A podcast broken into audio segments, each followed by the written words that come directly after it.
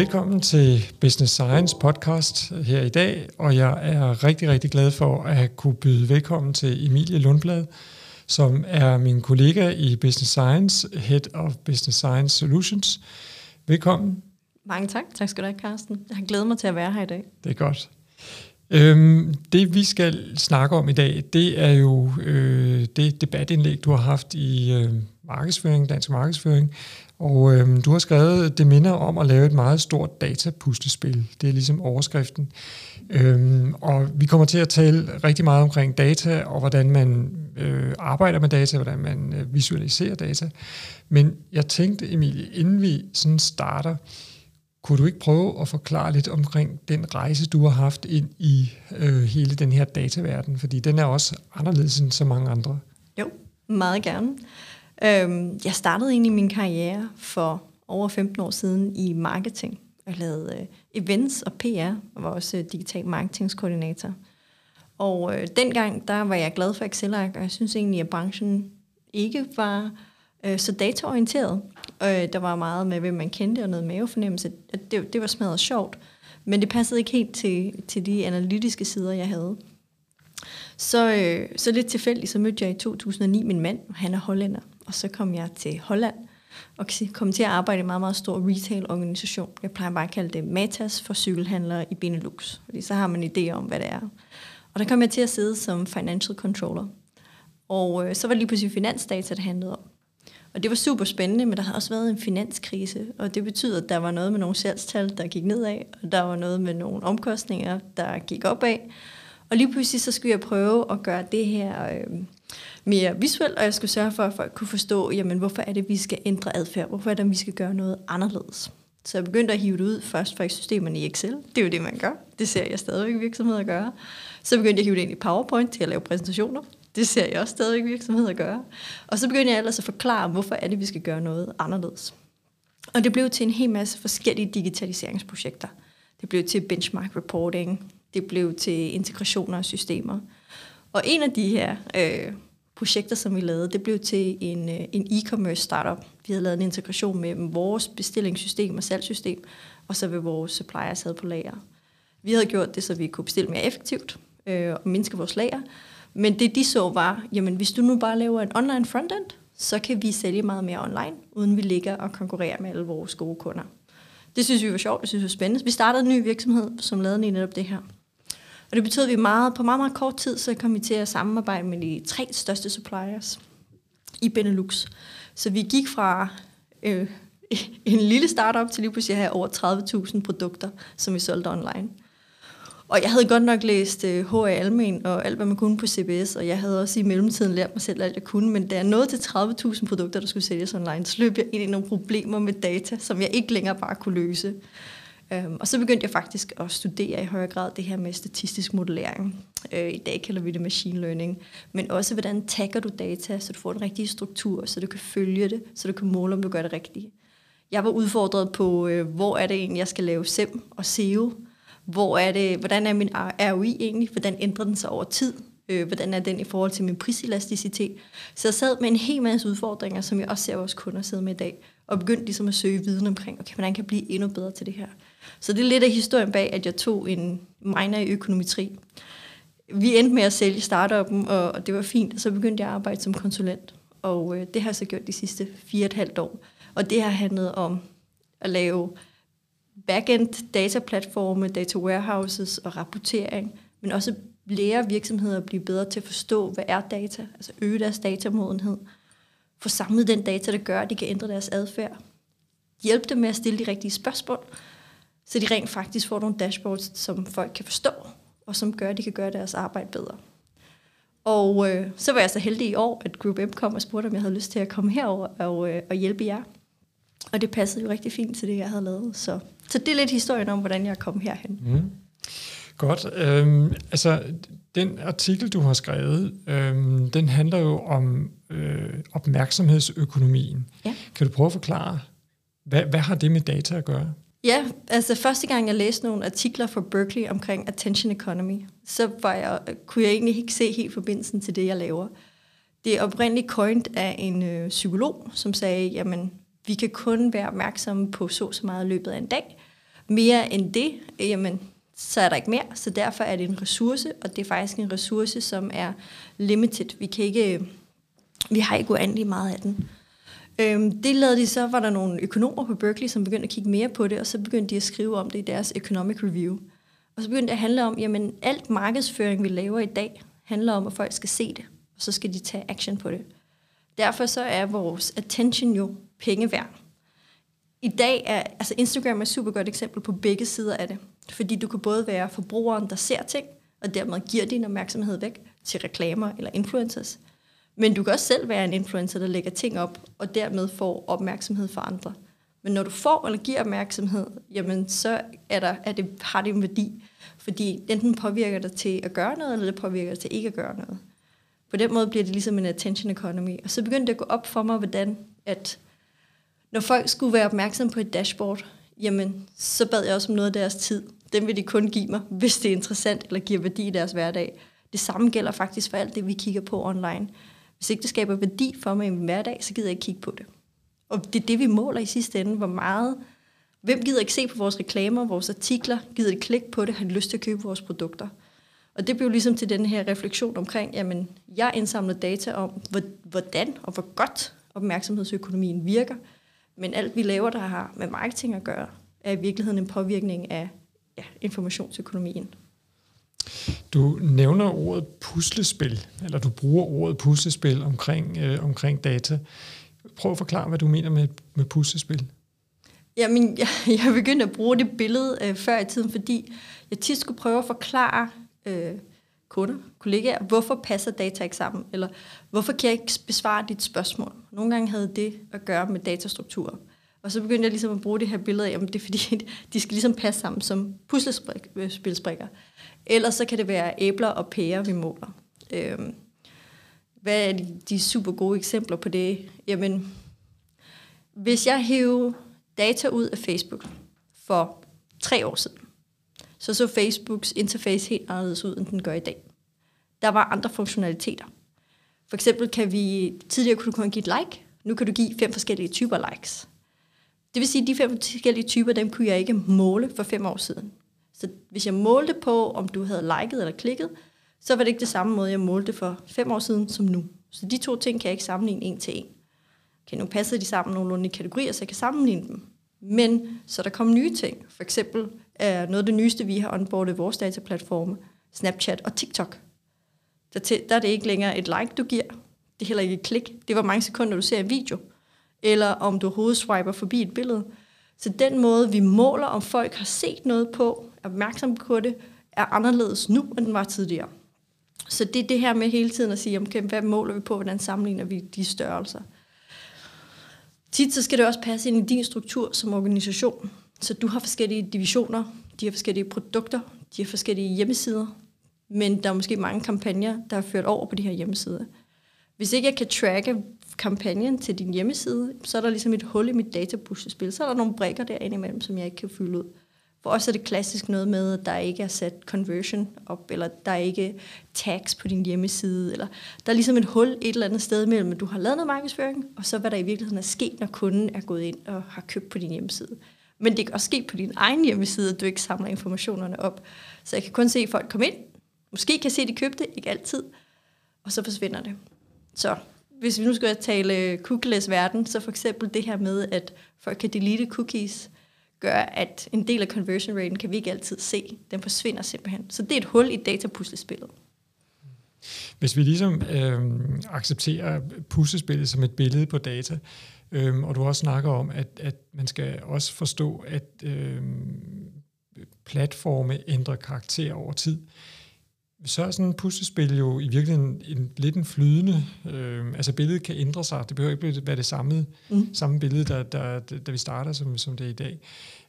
Hvordan, hvordan rådgiver du kunder om at finde de rigtige kopier, altså måske dem, der, der, der sådan er de vigtigste over tid, som man ligesom har øh, fat i lidt i den lange ende, selvom der måske er nogle ændringer øh, hen ad vejen?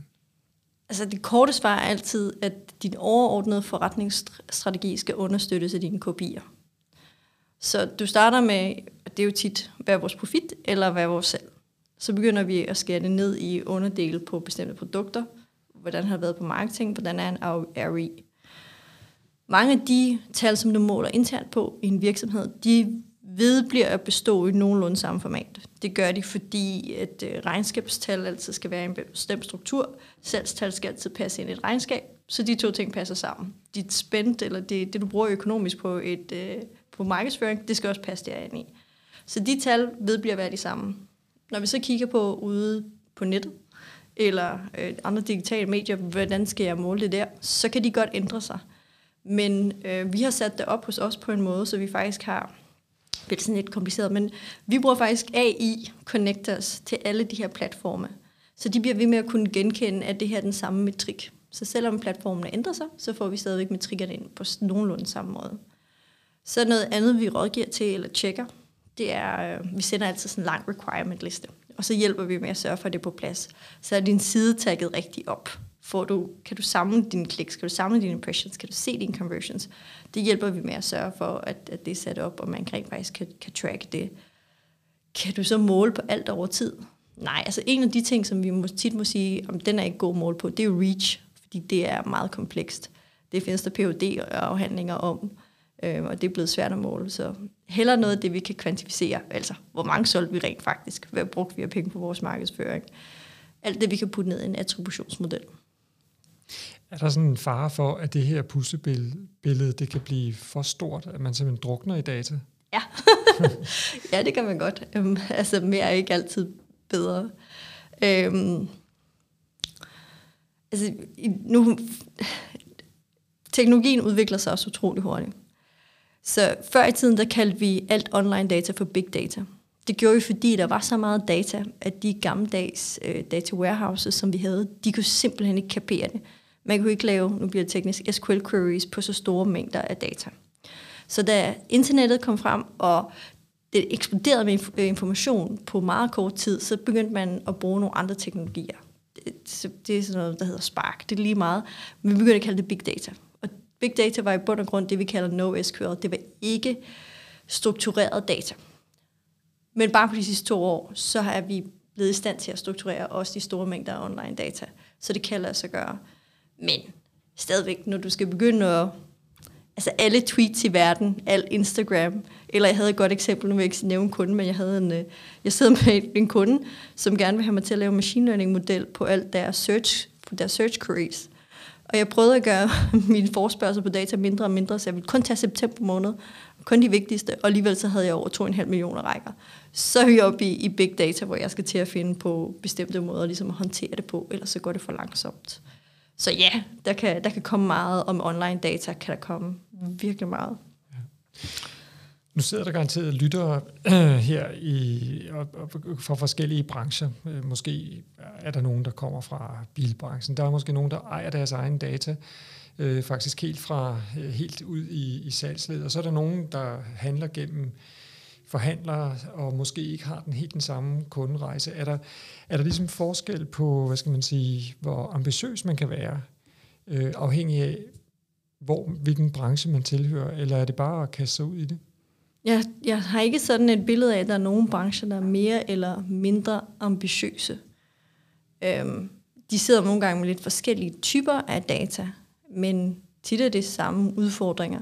Jeg kigger tit mere på, øh, at, at organisationer typisk har forskellige typer af data. De har salgsdata, de har øh, finansdata, de har HR-data, de har data om deres kunde, CRM-data, de har online-data, nogle kunder har IoT-data. Alle de her data, de har lidt forskellige strukturer, som man kan, kan putte sammen. Men samlet set kan man sige, at oprindeligt så startede sådan noget som økonometri, det startede med statistisk måling på økonomien. Så det vil sige, at økonomital er altid det nemmeste at indsamle og måle på. Senere hen så fik vi Business Intelligence. Øh, det kom op gennem 50'erne. Der begyndte man også at indsamle data igen på virksomheder. Igen først på økonomi, så operations, så salg. Så det er altid de nemmere. Og når vi så begynder at bevæge os ud til kunder, så bliver det lidt sværere. Online data er også øh, kan være en udfordring. Og det seneste sådan, skud på stammen, det er jo IoT-data. Så det er, hvor varmt det er her, og hvor mange mennesker kommer ind ad døren, og hvor meget elektricitet har jeg brugt, og altså alt det, der handler om at måle øh, handlinger, så begynder vi lige pludselig at meget store mængder af data, og strukturere det ind til at matche med din øh, sats og finansdata, det kan være en udfordring. Men der er ikke en branche, som jeg kigger på, og så siger, ej, de har mere eller mindre. Det er mere et spørgsmål om, du som organisation har været god til at være struktureret, og selv har indsamlet tidligt. Øhm, og der har jeg da lagt mærke til virksomheder, som er... Øh, jeg plejer altid at spørge, om, om grundlæggeren stadigvæk er der, og hvad grundlæggeren lavede. Og hvis grundlæggeren stadigvæk er der, og de er ingeniører eller økonomer, så er der en rimelig god chance for, at de faktisk har god datastruktur. Hvor nogle kreative fag øh, skal have lidt mere hjælp. Så hvis jeg sådan skulle nævne, så sådan musikbranchen og modebranchen, der har jeg set nogle lidt sjovere udfordringer. Du snakker om en af, en af måderne at, at arbejde med sådan en god datastruktur, eller der er ligesom to vinkler på det. Der er sådan, du nævner marketingkampagne siden mm. af datastruktur. Undskyld, og så, og så nævner du også konverterings- og salgssiden. Kan du mm. prøve at forklare, hvad der, hvad der er forskellen på de to områder? Altså hvis jeg nu kigger på det fra vores øjne her, så hjælper vi jo virksomheder med at allokere deres marketingsbudget. Det kan ryge til radio, det kan ryge til tv, det kan også ryge til videokampagner på YouTube, det kan også være displaybanner på Facebook eller LinkedIn, øhm, det kan også være Google søgeord. Så vi pusher for en bestemt mængde penge reklamer ud på en side. De her reklamer, dem er der nogen, der ser, dem er der nogen, der trykker på, og så kommer de over på din hjemmeside.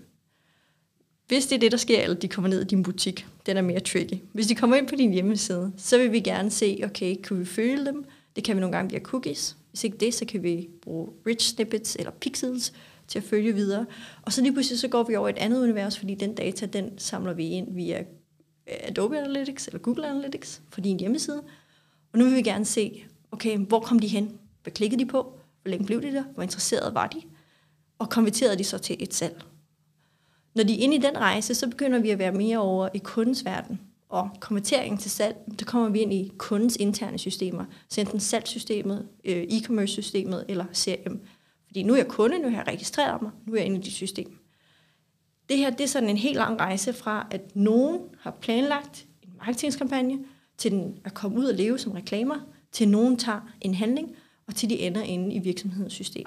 Og hele den her rejse, den skal vi jo så have til at hænge ordentligt sammen, så vi kan følge begge sider.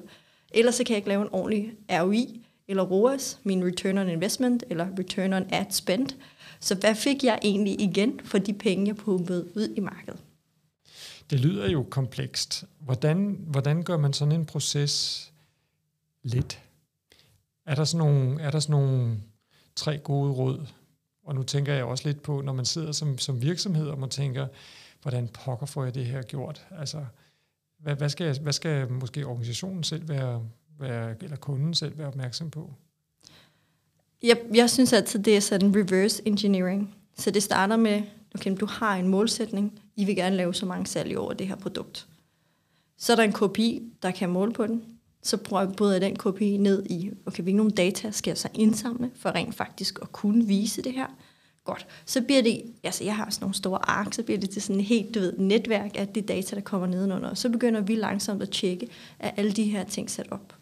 Nogle af de ting, vi oftest er opmærksom på, når vi sender sådan en liste til, til kunder med, hvad skal der ske, det er, bliver din kampagne tracket ordentligt? Er der en ordentlig navngivning? Og er din hjemmeside sat ordentligt op, så vi rent faktisk kan tjekke kommenteringerne? I nogle tilfælde så har vi også kunder, hvor det ikke handler om hjemmesiden, men hvor det handler om øh, bookinger eller besøg ude i deres butikker, jamen, så er det vigtigt, at øh, de har IoT-devices sat op, så vi kan følge det, eller vi kan følge, hvad der er blevet logget on. Så det er ligesom et KPI-træ, og der skal vi kunne finde dataen hele vejen ned og kunne følge det. Og så er det lidt efter din udfordring, hvad det er for nogen, du først skal være opmærksom på. Men øh, ja, så god op, altså når det kun handler om marketing, så er det god, god tracking af din kampagne, god tracking af din hjemmeside, når vi begynder at tale om internt hos dig selv, så er det et godt CRM-system, som er rigtig, rigtig vigtigt. Og et CRM-system, som er integreret ordentligt til resten af dine interne systemer, så finans, salg, ja, når det hænger sammen. Det næste er jo også, at jamen, grunden til, at vi vil måle noget, det er jo både for at blive mere opmærksom på, hvad sker der, have awareness og indsigt, men det er jo også, så vi kan forbedre vores adfærd og gøre vores arbejde endnu bedre. Det er trods alt derfor, vi tit kalder det performance management. Ikke? Det er jo for at forbedre mm. performance. Ja. Øhm, så en ting er, at vi har kopier, en ting er, at vi har data, Men hvis ikke vi har stillet de rigtige spørgsmål, øh, så det understøtter den adfærd, vi gerne vil se, jamen, så er det ikke sikkert, at, at vi får resultaterne, vi gerne vil have. Øh, det tror jeg som konsulent virkelig, jeg har set både eksemplerne på, at, for, at en virksomhed forbedret utrolig meget med at måle på de rigtige kopier, men jeg har også set virksomhedskulturer, som absolut ikke blev det bedre, fordi vi i virkeligheden målte på det forkerte, så vi gav folk de forkerte incitamenter. Så det næste er jo også koblingen til menneskelig adfærd. Og der er jeg begyndt at bruge user stories rigtig meget, som handler om det her med, okay, som en bestemt persona vil jeg gerne kunne gøre sådan og sådan, når jeg har set det her data, eller jeg har set det her dashboard. Så sørg for, at det ikke kun handler om en strategi. Sørg for selvfølgelig data i orden, men i sidste ende, at du har den rigtige incitament, som skaber den rigtige adfærd ude i din organisation. For det er først der, at du virkelig ser uh, value for money, når dine specialister gør deres arbejde bedre, fordi de kan se, hvad der sker, når de kan se effekten af deres arbejde. Så skal man starte med user storyen, før man egentlig starter med sådan, hvad for nogle kopier man egentlig tænker, der er vigtige? Det mener jeg helt bestemt, fordi jeg kom ind rigtig mange gange efter management-konsulenthuse, som har lavet en liste med kopier. Og så stillede jeg to spørgsmål. Et var, du ved, har vi dataen? Nå, det har vi så slet ikke. Nå, så skal vi jo til at indsamle den. Det skal folk så være interesseret i. Hvis du så ikke har nogen user story eller en historie om, hvad det er, folk skal gøre anderledes, eller hvorfor de skal gøre det, så er det godt nok svært at skabe øh, incitament og entusiasme omkring overhovedet at få indsamlet den her data. Så kopier, ja, men når jeg laver en workshop, så starter vi faktisk med user storyen. Så kommer kopierne, så kommer hele vores kort over, hvad er det for data, vi skal have fat i. Ja, så det starter, det starter faktisk længere, længere op i organisationen. Med, starter med hvorfor. Ja. Hvorfor er det, vi gør det her? Hvad er det, vi skal gøre bedre eller anderledes? Ja, ja okay. Det er ret, det er super interessant. Jeg havde en, min tidligere chef, Søren Søndergaard Poulsen, til dem, der er meget interesserede i BI, så kender de ham sikkert allerede. Han holder mange podcasts. Og han var altid så utrolig interesseret i uh, adoption og brugeradfærd. Og da jeg startede med at arbejde sammen med ham, så forstod jeg det ikke helt, men med tiden gav det så utrolig meget mening, fordi vi både så, hvordan data påvirkede virksomheder rigtig positivt, når det blev gjort rigtigt, men også ret negativt, når det blev gjort på den forkerte måde. Så det er vigtigt at forstå, at vi måler for at ændre adfærd. Jeg kunne godt tænke mig, hvis nu vi forestiller os, at vi havde en lille krystalkugle her på, på bordet, og egentlig prøvede at kigge lidt ind i fremtiden. Øhm, hvis man skulle starte sådan med, med, hvad hedder det, med data, hvad, hvad er det for nogle data, du tror ændrer sig mest sådan på kort sigt? Øh, jamen det er dem, der måler vores adfærd, fordi vores adfærd ændrer sig mest på sigt. De ting, som ikke ændrer sig, det er sådan noget som regnskabsregler. De ændrer sig utroligt langsomt. Regnskabsregler, de beslutter, hvordan vores regnskabsdata og finansdata ligger, så det ændrer sig ikke. Men vores adfærd online, eller vores adfærd ude omkring os, den ændrer sig. Så IoT-data, som er din bil, hvor meget kørte du, din cykel, hvor meget el brugte du, alle de her, de ændrer sig med vores adfærd, og den ændrer sig dagligt. Og det samme gælder vores online adfærd. På et tidspunkt var vi alle sammen på Facebook, så nu folk på Instagram, nu folk på Snapchat, nu er de på TikTok. Hvor folks opmærksomhed er, og hvordan vi kan måle den, det ændrer sig helt enormt hurtigt. Du nævnte nemlig også, nu nævner du selv lige TikTok, altså der kommer jo også nye platform til, som, som hvis vi skal vende tilbage til, den, øh, til din første kommentar omkring den her opmærksomhedsøkonomi, altså der kommer lige pludselig nogle nye ting, vi bliver interesseret i, som tager noget af den der tid, og hvis der er begrænset tid, øh, så skal vi lige pludselig til at, at kigge på det. Er der, hvad, hvad ser du udfordringer i det, eller er det bare endnu en platform, og så, må vi, så arbejder vi med den? Ja, det er endnu en platform. En gang havde vi kun aviser, så fik vi radio, så fik vi tv, så kom der blade over det hele, så kom der online-kanaler. Så det tror jeg bare er en øget granularitet, som vi må forvente, der kommer med tiden.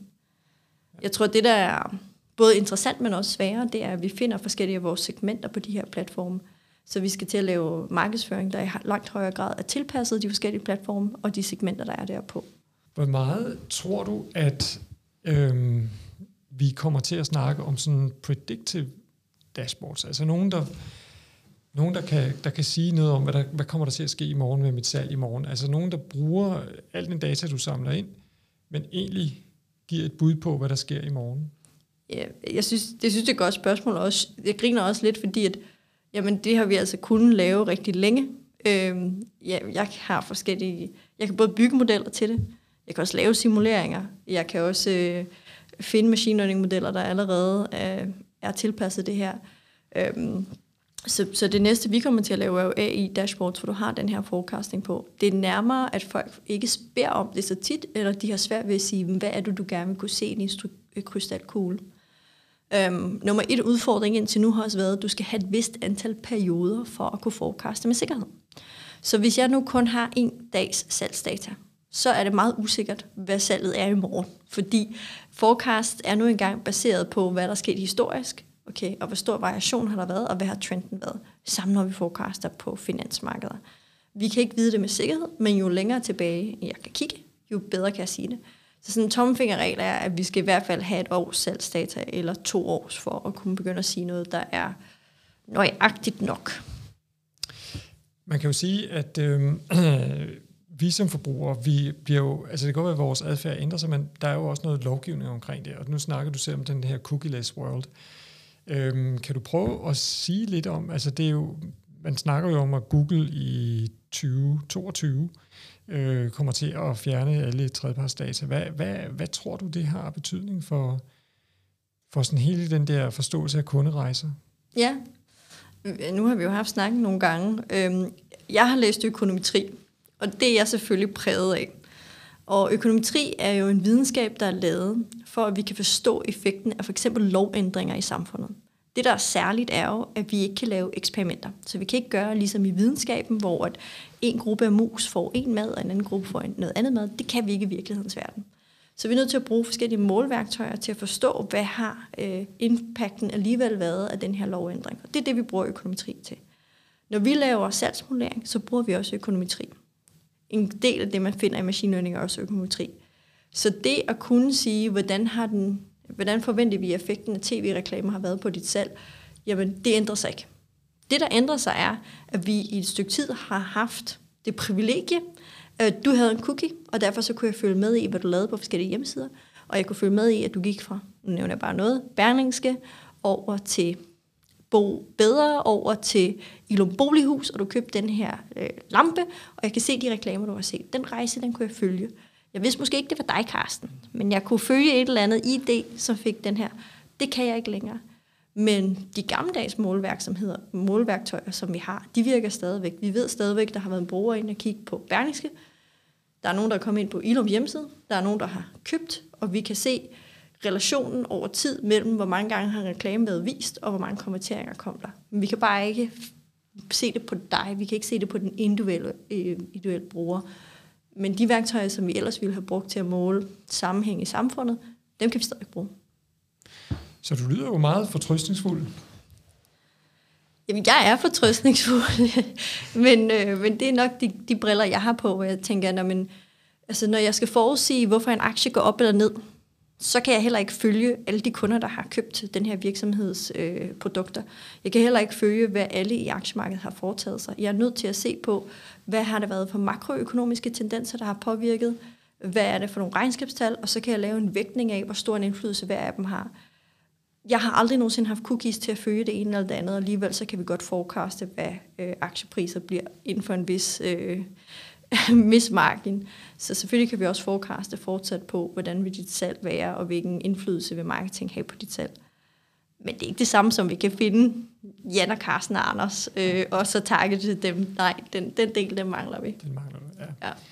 Okay, jeg tror, vi øh, skal til at runde lidt af nu. Jeg, jeg synes, der var nogle ting i den her snak, som, som jeg i hvert fald har bidt mærke i. Altså, du nævner det med user stories som et startpunkt. Hvis man ikke har sin user story på plads med sine data, før man egentlig begynder at snakke om data, øh, så, så, så får man aldrig nogensinde øh, hvad skal man sige, det rigtige resultat ud, og man får heller ikke sin organisation med, og de mennesker, der måske skal, øh, der skal ændre adfærd.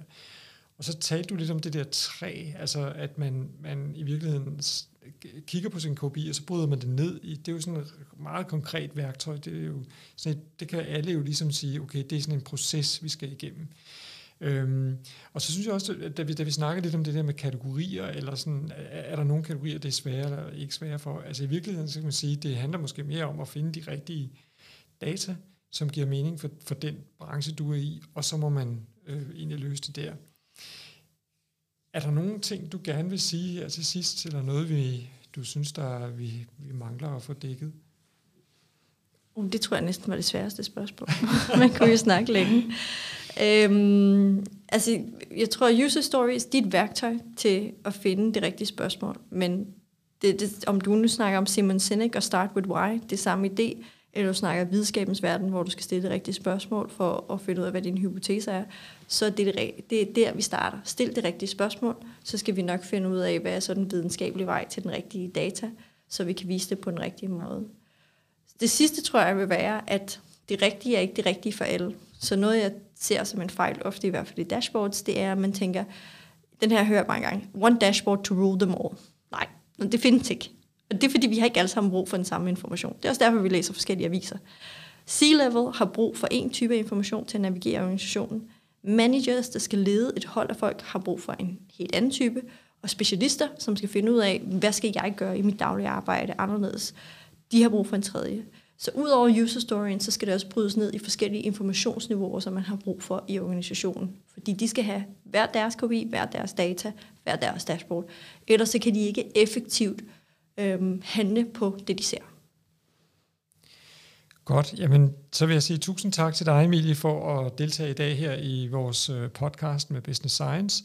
Øhm, det var dagens øh, podcast, øh, og vi glæder os til at byde velkommen igen til en ny spændende gæst i vores studie her. Og tak for nu.